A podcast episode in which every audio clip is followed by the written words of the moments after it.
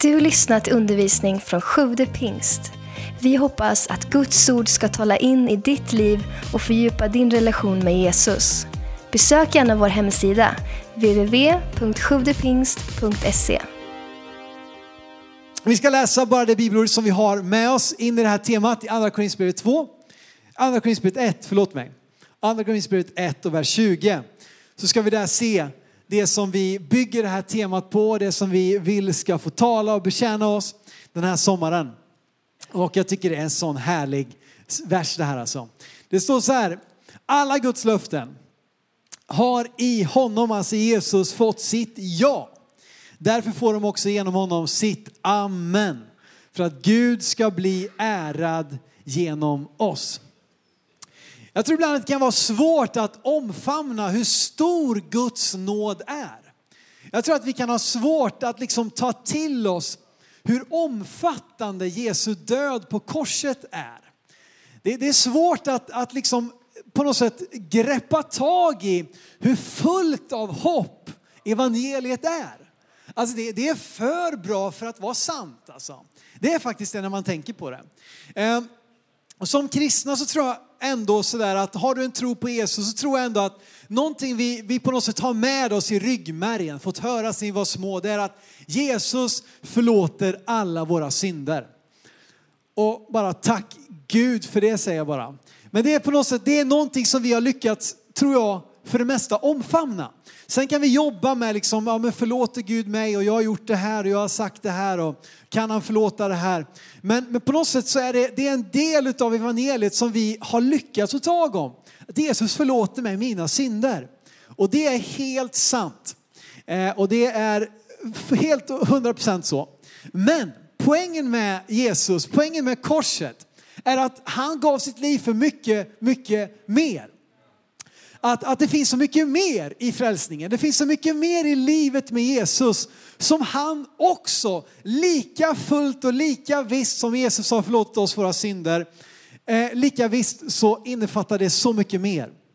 Och, eh, eh och jag har blivit så välsignad av att läsa en, en ny bibelöversättning, jag pratar om det lite då och då, eh, nämligen svenska kärnbibeln.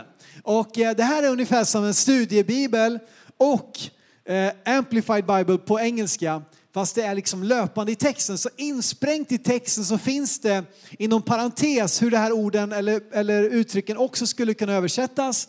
Och löpande i texten finns det också kommentarer, men då inte som fotnoter liksom längst ner på sidan som man bara hoppar förbi, utan de ligger löpande i texten. Så att det har varit så otroligt värdefullt att läsa det här. Jag tänkte bara att vi skulle läsa ett par välkända verser från Efesierbrevet 2 i den här översättningen. Eh, och du får gärna ta din egen bibelöversättning men också läsa på skärmen vad den här säger som talar just av det här, det här uttrycket av nåden i frälsta. Det har, det, har ni, det har ni hört om du har varit med i kyrkan ett tag eller liksom har en tro på Jesus. Har vi, har vi hört, av nåd är ni frälsta. Men den här översättningen bara lägger ut det här så otroligt eh, eh vackert tycker jag. I Efesierbrevet 2, 4-5 då ifrån svenska kärnbibeln.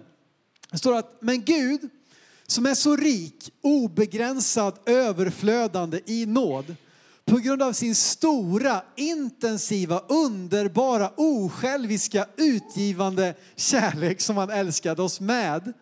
Även när vi var andligt döda genom våra egna tillkortakommanden eller synder gjorde oss levande tillsammans med Kristus. Han gav oss samma liv som Kristus själv. Samma liv som uppväckt honom från de döda. Och nu kommer det.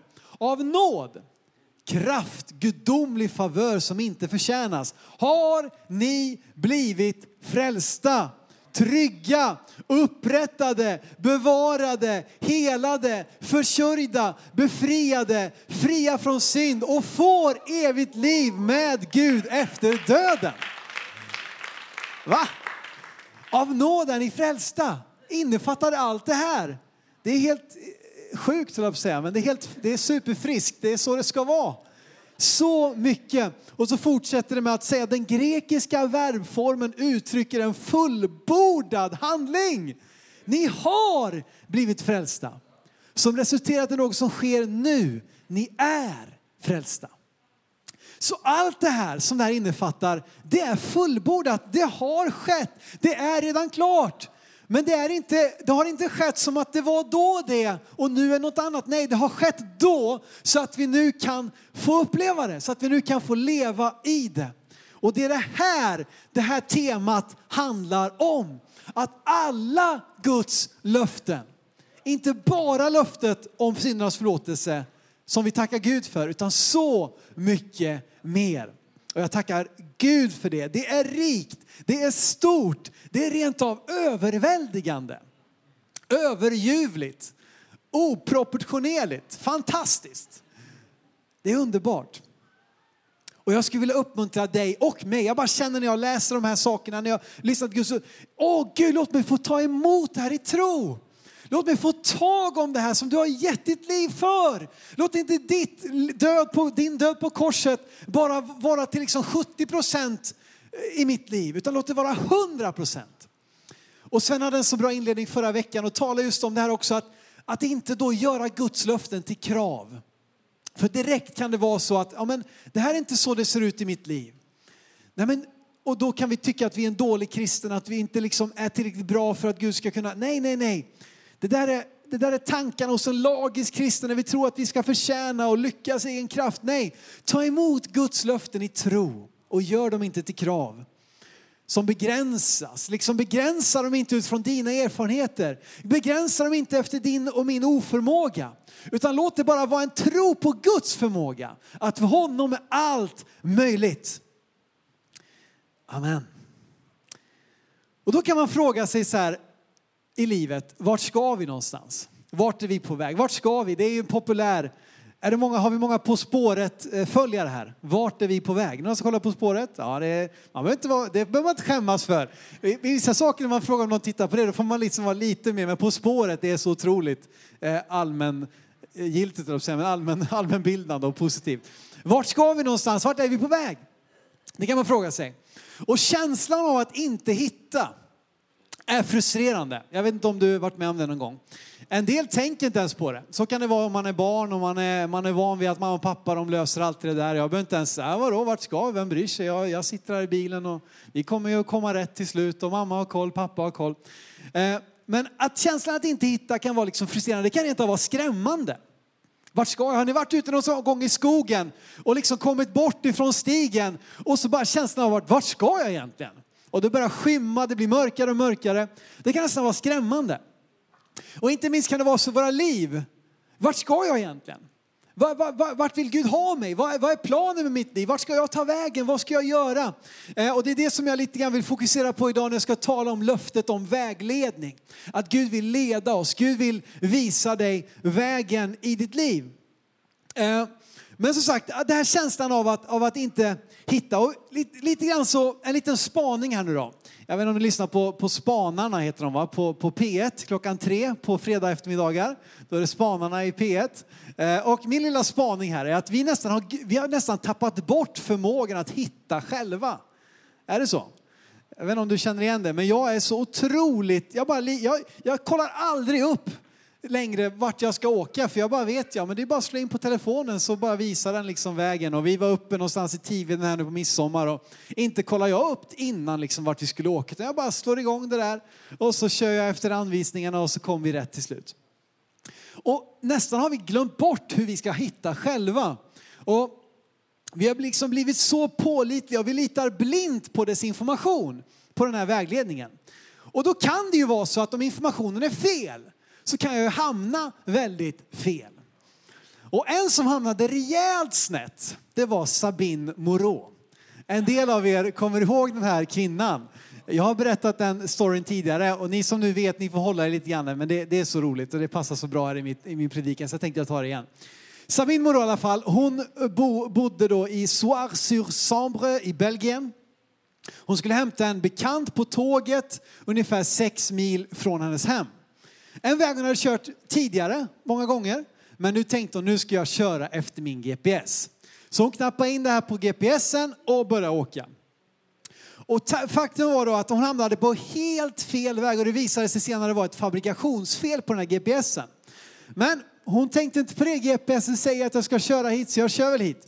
Så hon åkte på där, eh, fortsatte köra, hon stannade och tankade Hon tankade en gång, hon tankade två gånger, hon tankade tre gånger. Hon blev trött och stannade och sov några timmar. Fortsatte sedan att köra 140 mil. På riktigt. Och så har jag ett underbart citat här. Och säger, jag förstod egentligen att något var fel förrän jag kom till Zagreb. Då förstod jag att jag inte var i Belgien längre. Och vid det här laget hade hennes son då larmat polisen som var på väg att sätta igång en omfattande sökinsats. Då ringer hon hem då och meddelar sin son att hon var i Zagreb. Hon har alltså åkt genom fem länder tvärs genom halva Europa. Och eh, ni ser här, här uppe är hennes hem då. Hon har tagit sig igenom Tyskland, Österrike, Slovenien och så in i Kroatien till Zagreb. Och sen så säger hon så här sen till polisen eller om det var till journalisten. Säger, jag såg alla möjliga slags skyltar på olika språk. Men jag funderade inte så mycket mer på det. Jag var nog helt enkelt distraherad. Japp. Och höll bara gaspedalen nedtryckt. Jag älskar den här storyn. Den är sann alltså. Du kan gå ut och googla hennes namn och så vidare. Men vet, tänk om det är så att vi helt enkelt är på väg i helt fel riktning. Trots att vi tror att livets GPS är inställd på rätt destination. Tänk om den väg du åker och de rösterna du lyssnar på, är på håller på att leda dig på en plats du absolut inte vill till. Om du inte är vaksam så kan dina fötter eller din, dina, den vägledning som du får ta dig till platser som ditt hjärta inte vill. Vi måste vaka över vem som leder våra steg. Vem är det som visar vägen egentligen? Vem visar vägen? Vem är det som talar om för mig att jag ska köra hit, att jag ska svänga där, att jag ska fortsätta hitåt? Vem är det som visar vägen? Jag menar, man kan ju då oja sig här nu och tycka att det är hemskt det här att vi har blivit så beroende av teknik och vi är liksom en förlorat släkte och vi, vi, vi liksom lär oss ingenting själv längre och vi, vad det nu är för någonting. Men jag tänkte lite extra, jag tänkte att det, det är en ganska bra bild egentligen. Att vara fullständigt beroende av någonting för varje vägskäl i ens liv. Och här tycker jag att tvärtom kan det här bli en bild på Gud och vårt beroende av honom i våra liv. Att lita på att jag behöver inte vara orolig för vad som kommer hända om ett år. Jag behöver inte börja oroa mig nu för vad vi ska liksom äta, vem som ska laga vad på julbordet och så vidare. För att jag litar på att Gud kommer vara med mig då. Han kommer vara med mig nu, han kommer vara med mig imorgon, han kommer vara med mig senare.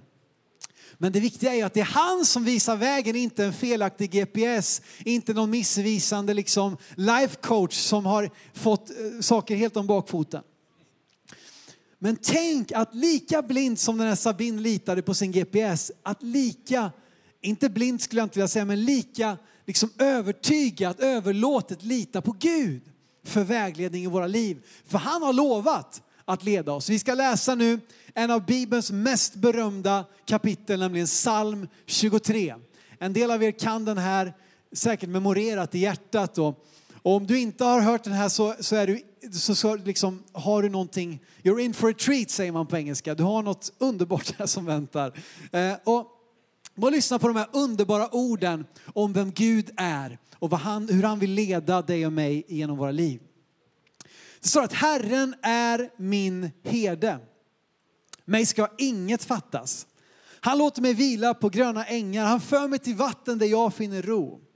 Han ger liv åt min själ. Han leder mig på rätta vägar för sitt namns skull. Även om jag vandrar i dödsskuggans dal så fruktar jag inget ont för du är med mig. Din käpp och stav de tröstar mig. Du dukar för mig ett bord i mina fienders åsyn. Du smörjer mitt huvud med olja, låter min bägare flöda över. Ja, godhet och nåd ska följa mig i alla mina livsdagar och jag ska bo i Herrens hus för alltid. Herren är min herde. Herren är min herde. Låt Jesus vara den som visar vägen. Låt Jesus vara herden i ditt liv. Här finns det sådana underbara löften om att Gud ska leda oss, att han ska ta hand om oss, att han ska visa oss vägen. Han ska visa oss vart vi behöver ta vägen och vad vi behöver göra. När vi behöver vila, när vi behöver gå, när vi behöver stanna, när vi behöver vänta, när vi ska skynda och så vidare. Men vi behöver tillåta Gud att vara vår herde. Vi behöver tillåta Gud att leda våra steg. Att, att liksom han får vara den där GPS som säger att om 100 meter sväng vänster. Och så kör vi en liten bit och säger nu sväng vänster. Att tillåta Gud att leda dina steg. Att låta honom vara mer än bara liksom någon liten, eh, så här som vi får en liten, eh, eh, en liten boost, en liten sockerkick så här på söndag morgon eller liksom någon, någon liten grej som glädjer upp eller glatt, livar upp lite grann. Utan att vi tillåter honom vara våran herde. Och bara några saker som jag tänkte på när jag tänkte på detta. Tillåta Gud att vara ditt livs GPS. Några saker som jag tänkte på är för det första, vi måste komma ihåg att herden leder. Herden leder, om fåren ska kunna vara under beskydd, om fåren ska få rätt vägledning så måste det vara herden som leder. Lyder. Ja, det ska vara leder. Måste hålla er uppmärksamma. Herden leder. Herden lyder inte, det blir, det blir helt motsatt innebörd. Eh, så att eh, måste kolla så att ni är på tå här. Men herden leder. Det är inte så att herden lyder. Det var en poäng faktiskt, att herden lyder inte. Det är inte du, det är inte herden som följer dig. Om fåren springer iväg här och så ska liksom förvänta sig, nej, då, då ropar herden, hej, här ska vi, kom hit, gå hit. Och ni vet de här som går och joddlar, vad gör man? Jodla, i, i alptopparna där. Så springer man runt och så kommer kossorna truppande liksom med såna här kobjällror. Och springer efter herden, för herden vet, herden har koll. Och tillåt herden att leda dig. Jag hör ibland människor tala om Guds vägledning och liksom riktlinjer och ramar som han sätter upp i sitt ord som att, ja men måste jag verkligen det? Måste jag verkligen göra så här? Måste jag tänka så här? Måste vi vänta med att flytta ihop och ha sex tills vi har gift oss? Måste jag ge tionde? Måste jag betala skatt? Måste jag gå till kyrkan? Vet du vad, du måste ingenting. Det, det ett, vi, lever i en fri värld. Alltså. Det, du har tank, ett av kanske världens friaste länder. Du har tankefrihet och åsiktsfrihet och, och, och yttrandefrihet och publikations... Vad heter det? Skriftfrihet, vad säger man? Man får tryck, tryckfrihet heter det. Och grejen är att vi måste ingenting, men frågan jag måste ställa mig själv är, vad betyder Guds välsignelse för mig? Vad betyder Guds beskydd för mig? Hur viktigt är det i mitt liv? Att jag är välsignad och under Guds beskydd. Är det viktigt för mig? Ja eller nej? Är det inte viktigt? Ja, då behöver du inte lyssna på vad Gud säger. Då behöver du inte bry dig om vad han, hur han leder. Men om Guds välsignelse är viktig, om Guds beskydd är viktigt för mig, då måste jag också följa hans röst. Då måste jag lyssna på vad han säger, hur han vägleder mig. Och därför så alla de här sakerna, ramarna som Gud sätter upp i sitt, i sitt ord, där han visar för gör så här, tänk så här, var så här mot din nästa, var så här mot din blivande, använd dina pengar på det här sättet. Så är det för att det är det, det, han har sagt för att, för att det ska gå oss väl. Han vill dig väl. Han vill att du ska leva i hans välsignelse. Han vill att du ska leva under hans beskydd. Men då måste du tillåta herden att leda. Tillåt herden att leda dig. Det andra som är så tydligt i den här salmen är ju det att herden försörjer. Och vi ska tala mer om det senare i det här sommartemat. Men just att det står där att han leder mig till gröna ängar där det finns då liksom färskt bete. Han för mig till vatten där jag kan dricka. Han låter mig vila på gröna ängar. Alltså att det är herden som är min försörjare. Och när jag då ska söka eh, liksom, eh, mina val i livet så är det liksom den jag litar på för min försörjning kommer att vara otroligt avgörande i vem som leder mitt liv. Därför att, att liksom sätta mat på bordet, att ha tak över huvudet, det har ju att göra med våra mest basala behov i våra liv. Och den jag litar på för mat på bordet, den jag litar på för tak över huvudet, vittnar om vem som innerst inne liksom verkligen leder mig. Vem som verkligen är den som har liksom sista ordet i mitt liv är den jag vänder mig till för försörjning. Om jag bara litar på min egen förmåga för försörjning så är det tveksamt att det kommer vara Gud som leder. Men om Gud leder mig, då kan jag bara veta att han försörjer. Inte minst vårt givande. När vi talar om det att ja, men jag kan inte ge, jag kommer inte få det att gå ihop. Ja, men vem är din försörjare? Herren är din försörjare. Så du sätter hans, hans hus, hans församling, hans rike först. Då kommer han att ta hand om mitt hus. Jag litar på det för att herden försörjer mig.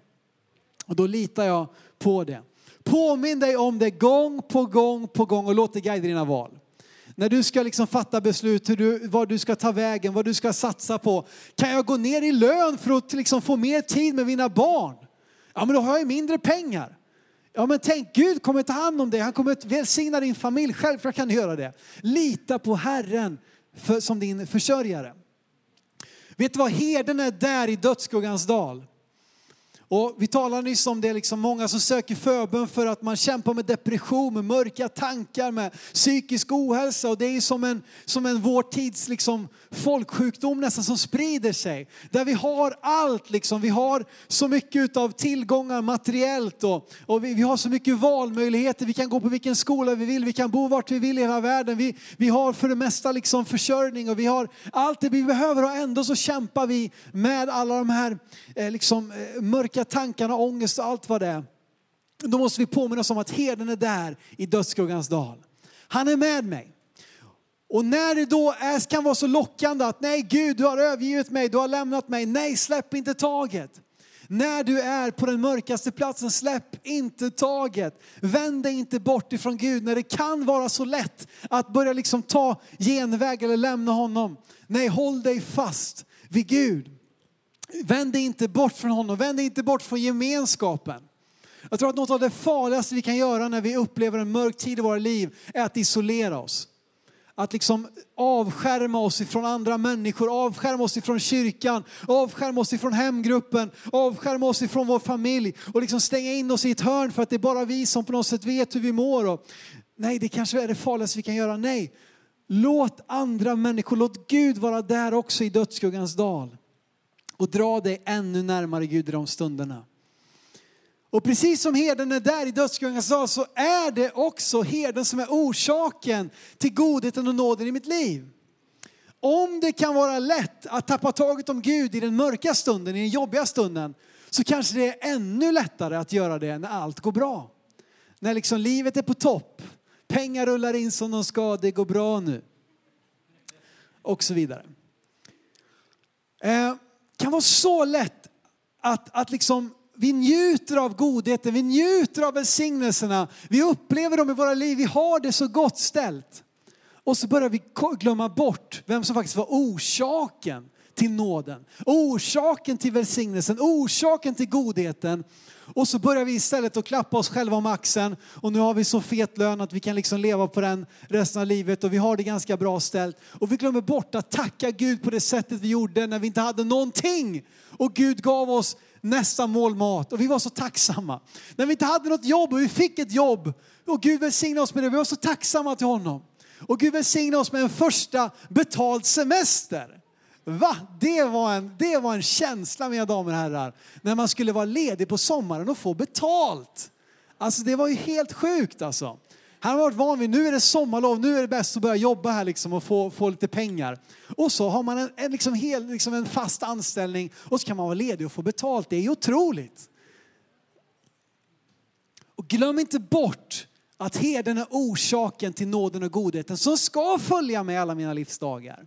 Utan låt honom leda eh, och ha med dig de här sakerna. En annan sak som blir så viktig då om herden ska leda mig är att lära känna hans röst. Lär känna herdens röst.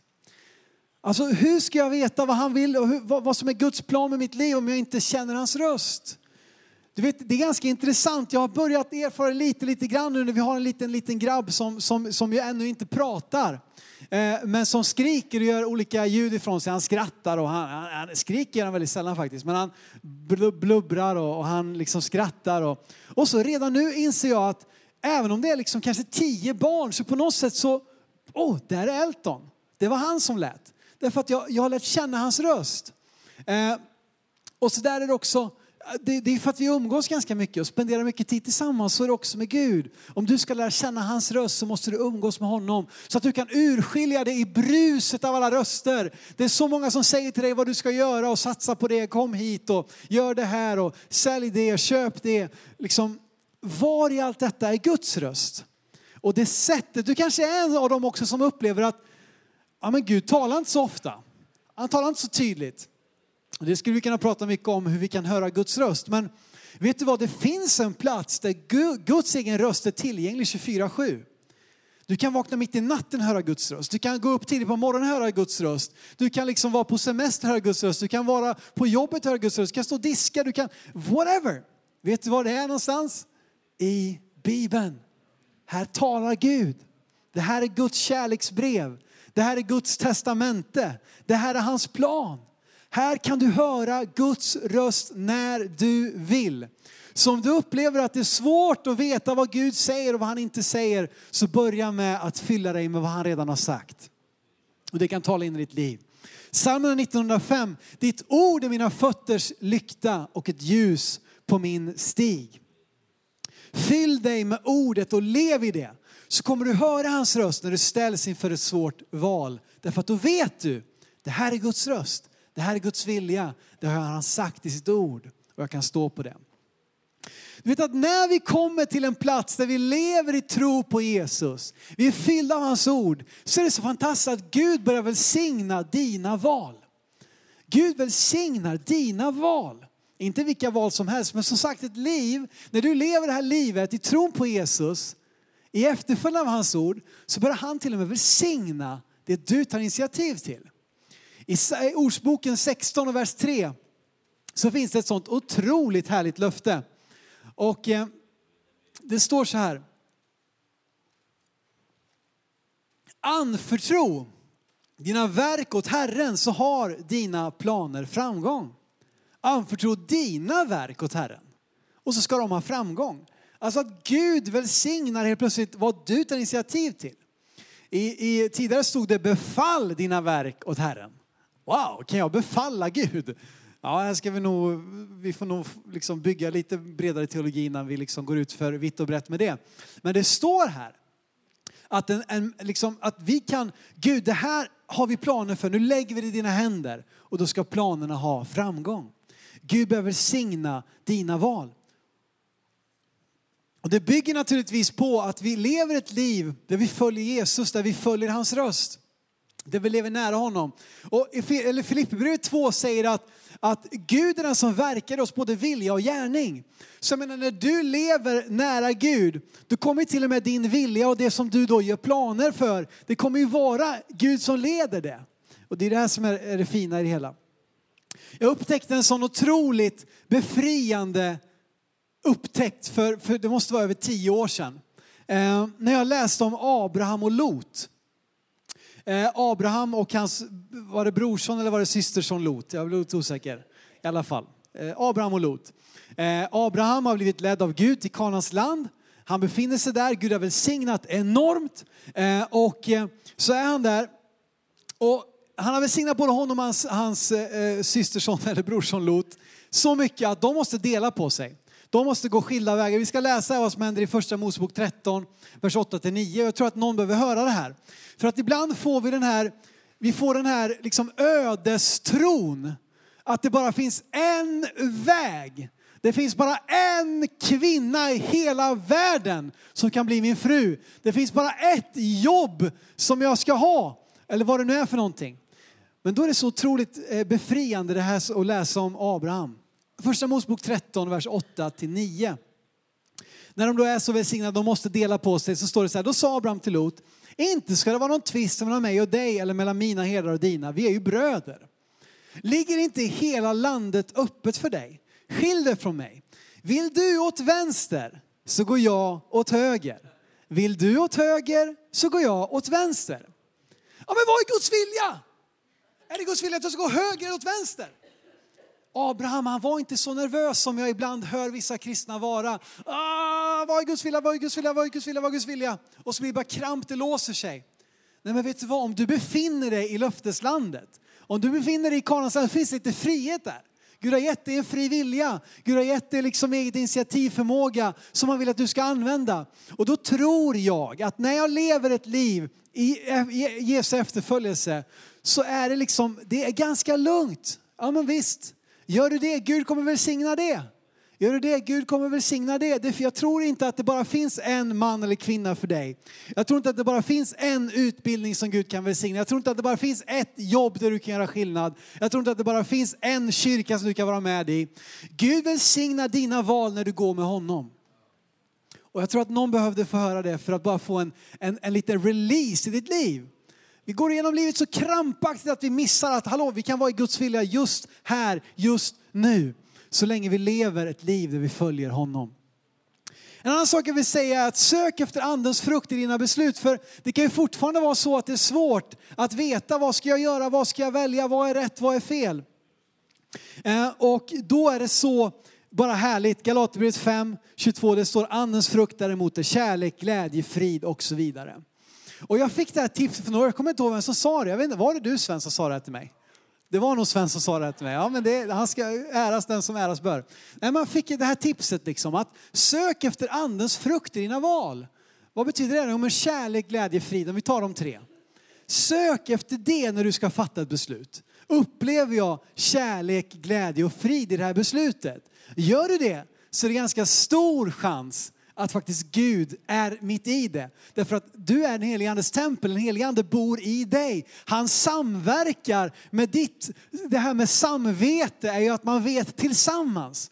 Så att när du är fylld av Guds ande så har han gett ett samvete där du och Guds ande verkar tillsammans. Och så vill han leda dig i kärlek, glädje och frid. Ett annat sätt att säga det på är att, att, att eh, liksom eh, fatta beslut både utifrån hjärta, hjärna och mage. Och i alla fall två av tre. Så liksom gärna, jag kan förstå det här. Jag skulle vilja likställa det med frid. Frid, vet ni, vad har det med hjärnan att göra? Det har väl inget med hjärnan att göra? Jo, men vet du vad? Första Korinthierbrevet 14, det står att Gud är inte ordningens Gud utan fridens. Så motsatsen till oordning är alltså frid. Jag tänker här uppe så får vi lite av ordning i våra liv. Så att, att kan, jag, kan jag omfamna det här? Får jag ordning på det här? Får jag rätsida på det här? Kan jag om, liksom, förstå det i mitt hjärna? I mitt hjärta känner jag en kärlek till det här beslutet. Magen, är det glädje i det jag ska göra? Finns det bara en glädje? Har jag rätt magkänsla? Och att fatta beslut, inte bara efter en av de här tre, då kan det bli väldigt fel. Om det bara är hjärta, om det bara är hjärna, om det bara är mage, så kan det bli väldigt fel. Men om vi låter Gud leda oss, i alla fall med två av tre och gärna tre, tre av tre, det är kanon. Men två av tre så kan det få vara en bra väg för oss. I det här nu så ska vi bara landa i, vi läste ju om psalm 23. Att Herren är min herde. Men hur, hur liksom förhåller det till oss idag? Jag menar, det är ju Jesus, är Jesus Herren eller hur är det? Jo men det är precis det jag vill komma till här på slutet. Att Jesus är den gode herden. Jesus är den som vill leda dina steg. Jesus är den som till och med ger sitt liv för att skydda dig. Och vi kan göra så att vi ställer oss upp tillsammans så ska vi läsa till sist här Johannes 10 och vers 11.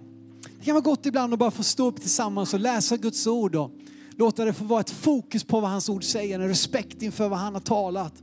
Och så hör här vad Jesus själv säger. Han säger att jag är den gode herden.